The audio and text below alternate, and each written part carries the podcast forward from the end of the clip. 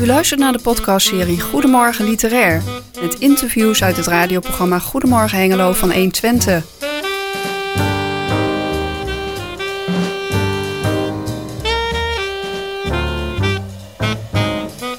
In deze aflevering hoort u Chris en Jos in gesprek met Saskia Schouten over haar verzamelbundel Verrassende Verhalen. Goedemorgen Saskia, welkom in het programma.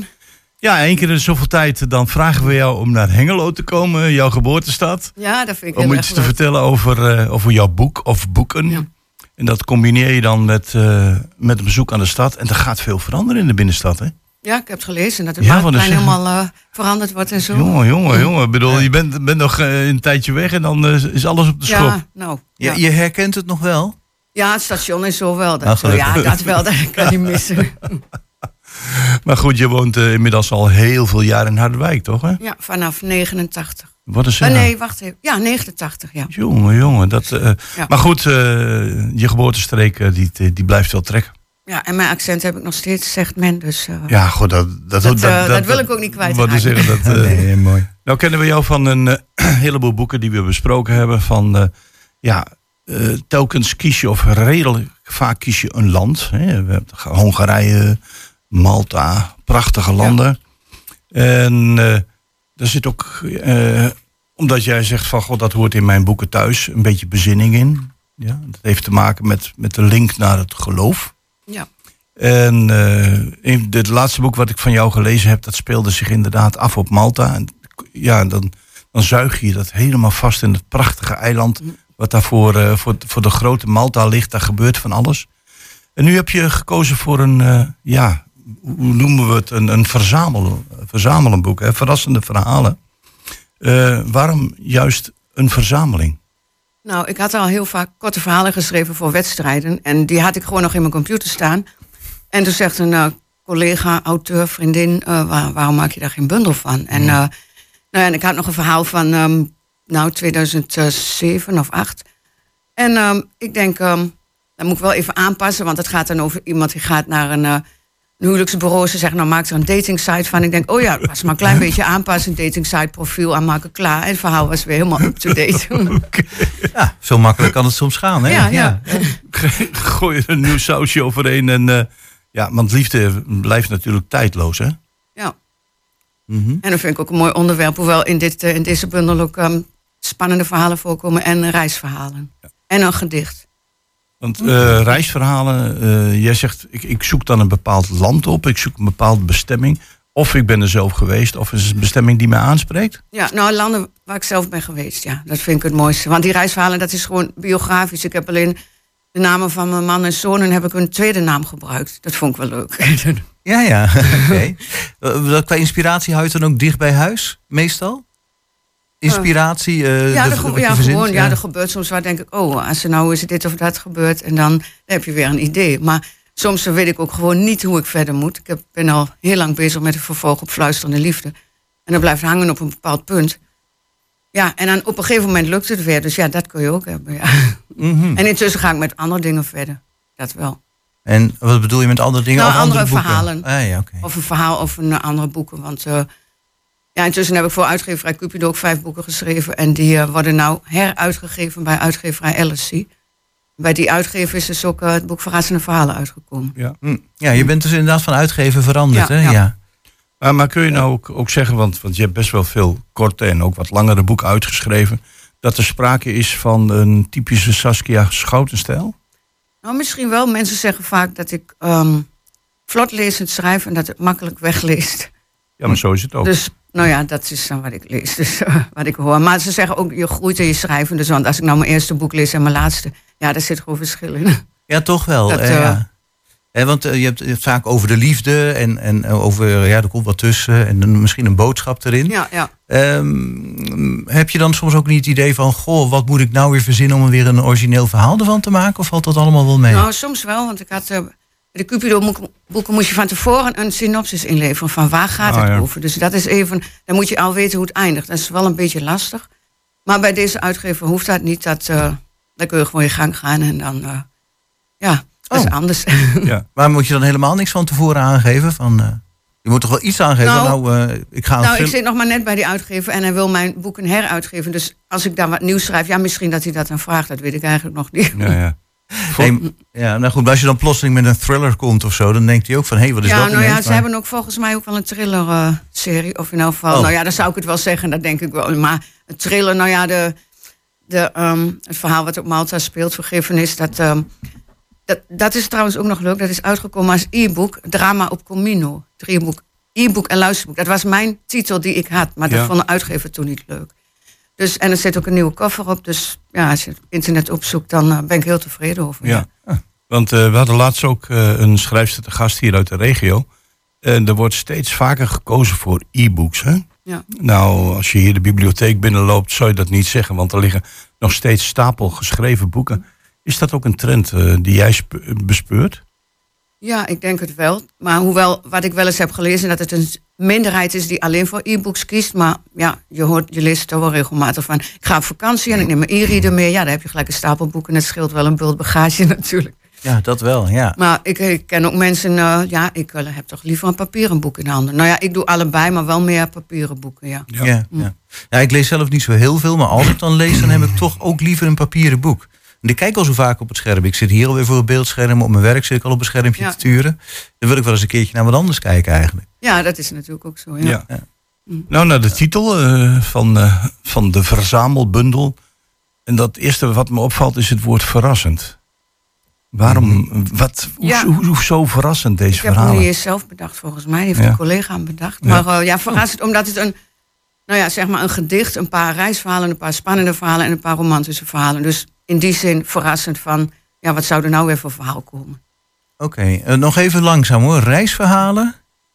Ja, reisverhalen, spanning, romantiek en één gedicht. En ik ben niet van het dichten. Tenminste, ik heb een keer een workshop gehad op de schrijversvereniging over dichten. Nou ja, dat was, eh, ik zal het kort houden, maar met wat aanwijzingen mocht je allemaal een gedicht maken. Nou, en dat is het gedicht Zomer geworden over eh, bloemen en zo. En, en toen mijn zus dat las, die was zwaar onder de indruk. En ik was zeer verbaasd dat zij dat was. Dus dat vond ik wel leuk. Oké, dus die heeft het ook gehaald in het boek. De, ja, ja. Ja. Ja, ja. maar Interessant. eh, als je het hebt over landen, eh, kun, kun je wat landen noemen uit, uit, uit verrassende verhalen? Eh, Spanje, Turkije. Even kijken hoor, wat ik. Hongarije en Roemenië. Ja, ik ben wel in meer landen geweest, maar ik heb niet van allemaal een verhaal geschreven. Dus. Maar Nee, de- nou, dat komt in de volgende bundel dan toch? Ja, wat, wat mij, mij gelijk dan opvalt, is van, hé, hey, ik, ik mis Scandinavië. Ja, nou daar ben ik eh, in 79 geweest. En daar ga ik toevallig volgende week weer in. Maar daar heb ik inderdaad. eh, nou, het is een idee. Misschien komt dat nog. Oh, Ja. dat, dat, Want dat, dat is, hangt ja, en ik ben ook op. IJsland geweest. Ja, en daar heb ik een. bedoel oh, ik. wacht, dat, is dat al. eh, toen, dan heb ik een boek onder pseudoniem geschreven. Had ik dat al? Ja, in de coronatijd ben ik telefonisch geïnterviewd. Maar ik weet niet of dat boek te sprake kwam. Nee, nee. Michaela on Tour, dat is een lang verhaal Mm. kort. Uitgever bij Cupido wou dat verhaal niet. En toen ben ik bij deze uitgever gekomen. En, die, en dat, nou ja, dat, dat moest dan onder pseudoniem, maar dat is een te lang verhaal om even te zeggen. Ja. Maar eh, dat begint, eh, dat gaat over allerlei landen. En dat begint in IJsland, ja. Oh, van, wat ik, ik, ik wist, eh, ja, Scandinavië Ja, is toch IJsland. een heleboel inspiratie voor mensen.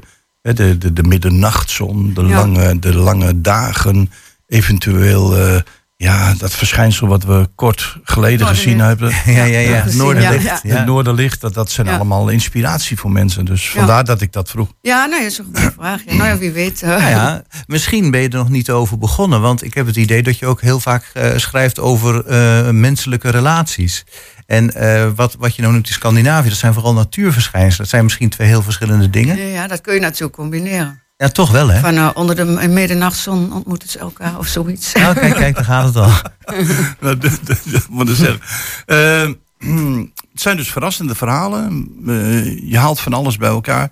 Is dat, eh, moet ik dan denken aan een lengte van 7, 8, 10, 12 pagina's per verhaal? Verschillend. Er zijn wat kortere verhalen, er zijn eh, wat langere. Ja, is eigenlijk niet een. eh, zoals het verhaal over Spanje is, geloof ik, het langste verhaal. En dan heb ik een heel kort kerstverhaal van twee bladzijden, nog Mhm. ge- gebaseerd op een waar gebeurde gebeurtenis. Mm. Dus het is verrassend van En, alles. en is, is het dan ook een boek vol cliffhangers van... koop mijn volgende verrassende verhalen of sluit je het echt af? Nou, het is wel een beetje afgesloten. Hoewel één spannend verhaal eindigt met geweren die op hun gericht zijn. en dan is het verhaal af. En is de kogel er nog niet uit. Nee. dat verhaal gaat ook niet verder. Dat vond ik wel een, nou ja, mooi eind, een dramatisch eind. Nou, we hebben jou ook gevraagd om, eh, om een stukje voor te lezen. Uit, eh, uit verrassende verhalen. En die keuze hebben we geheel aan jou gelaten. Dus eh, ik zou zeggen, ga je gang. Het is niet een heel verhaal, het is een stukje uit een wat langer verhaal. Ja, ik stop bij een, uh, een van de cliffhangers. Oké. Eindelijk vakantie. Opgewekt loop ik naar de lift om beneden mijn skispullen te inspecteren. Ik verheug me ontzettend op de vakantie en ben in een opperbeste stemming. Als ik beneden ben, loop ik naar de berging. Ik open de deur en ga naar binnen. Dan hoor ik een geluid. En voor ik weet wat er gebeurt, voel ik een slag op mijn hoofd en sla ik tegen de grond. Kreunend word ik wakker. Ik voel pijn in mijn hoofd en in mijn zij. Dit is toch niet mijn bed waar ik in lig? Ik probeer overeind te komen en merk dat ik me in de berging bevind. Het is aardedonker, of lijkt dat zo? Nee, het is zo. Slechts een klein beetje licht van de straatlantaarns komt door het niet al te grote raampje naar binnen. Dan moet ik hier al een behoorlijke tijd gelegen hebben. Als ik, wat ongemakkelijk, tegen een muur aan ga zitten, kreun ik van de pijn in mijn zij. Er zit toch geen kogel in? Ik betast mijn zij en voel niets wat er niet hoort. Waarschijnlijk heb ik een klap op mijn hoofd gehad en ben ik met mijn zij ergens tegen aangekomen voor ik viel. Wat is er toch gebeurd? Als mijn ogen aan het schamele licht gewend zijn, ontdek ik iets. Verschrikt val ik bijna weer in zwijm. Ik probeer op mijn horloge te kijken, maar kan niet zien hoe laat het is. Maar wat wel scherp op mijn netvlies gebrand staat, is de lege plek op de plank tegenover mij. Het schilderij is verdwenen. Ik blijf naar de lege plek staren. Dat kan toch niet waar zijn? Wie kan er belang hebben bij mijn belangrijkste bezit, dat bovendien een erfstuk is? Ik had het zorgvuldig ingepakt in de berging gezet. Maar nu het weg is, dringt het gevoel van een totale ramp zich aan mij op. Tranen springen mij in de ogen. Ik, de stoere Vincent, die nooit een traan laat, die zich jaren geleden heeft gepanzerd. Af en toe breekt buurvrouw Diante door mijn muren heen als ze me met een stralende lach vraagt of ik bij haar koffie kom drinken. Gewoontegetrouw sla ik dat af. Toch hunker ik van binnen wel naar contact. Vandaar die wintersportvakantie in groepsverband. Dan hang ik de vlotte jongen uit. Ik slaak een diepe zucht. Ik zal geen plezier meer hebben in de vakantie. Het schilderij is weg. De omgeving draait plotseling om me heen en ik zak weg. Opnieuw word ik wakker. Hoe lang zit ik hier nu al? Ik heb geen besef meer van tijd. Mijn zij doet zeer en het bonkt in mijn hoofd. En oh, die lege plek. Het schilderij. Wie is zo laf geweest om mij neer te slaan en het te stelen? Het schilderij is zo belangrijk voor mij. En toch kan ik er niet tegen dat het in mijn woning aan de muur hangt. Dan moet ik steeds aan haar denken. Aan mijn moeder, ook al was ze dan anders dan andere vrouwen, voel ik me met al mijn vezels verbonden. Toch ervaar ik afkeer. Ik heb geen broers en zussen. Soms denk ik, had ik ze maar wel gehad, dan was ik niet zo eenzaam geweest. En toch koester ik die eenzaamheid. Lekker veilig achter mijn muur. Ja, dat is een passage. En uh, hoe heet dit verhaal? Diante. Diante. Okay. Na die buurvrouw. Oh, Oké. Okay. Het nou, bouwt wel mooi op. Ja, wat uh, eerst zou ik denken van, nou ja, oké, okay, gebeurt wat, neergeslagen, maar je bouwt het wel heel mooi op, moet ik zeggen. Naar van, oh jee, er zit van alles achter. Ja, ja. ja. Laat, ja, dat, dat laat, en, en dat is het mooie van die, ook van die korte verhalen. Dat je op een gegeven moment denkt van, ik wil verder, ik wil verder, ik Ja, wil ja. verder. En dan, ja, het hoeft niet altijd een happy end te zijn, maar het leest wel lekker weg. Ja. Ja, jouw verrassende verhalen. Eh, er zitten binnenkort nog boeken aan te komen. Dat eh, Ja, ga ik zit- vanuit. Er is pas een eh, heruitgave van Liefde in Hongarije uitgekomen onder de titel Huis met Geheimen. En dan ben ik met dubbel geluk bezig, wat ook een andere titel krijgt. En ja, waarschijnlijk komt het ook ergens dit jaar uit. Maar dat is dan ook weer een heruitgave. Maar die bewerk ik allemaal wel. eh, Ja. Dat ze na mijn zin nog weer iets beter worden. We zien je graag weer terug in de studio met eh, een van je volgende boeken. In ieder geval bedankt voor je komst. En Ja, eh, wat ons betreft graag tot een volgende keer. En heel veel inspiratie toegewenst in, dit, ja, in, in deze jaren waar mensen toch elkaar heel vaak lelijke dingen tegen elkaar zeggen. En jij schrijft daar, jij schrijft van je af. En het, eh, ja, de situatie waarin iedereen zich bevindt is toch redelijk mooi tot goed te noemen. Ja, Ja? Saskia Schouten, bedankt. ja ook bedankt. Deze podcast werd gemaakt door Chris van Pelt, Jan-Dirk Beltman, Jos Klasinski en Mieke Vaameijer. Bedankt voor het luisteren en graag tot de volgende podcast.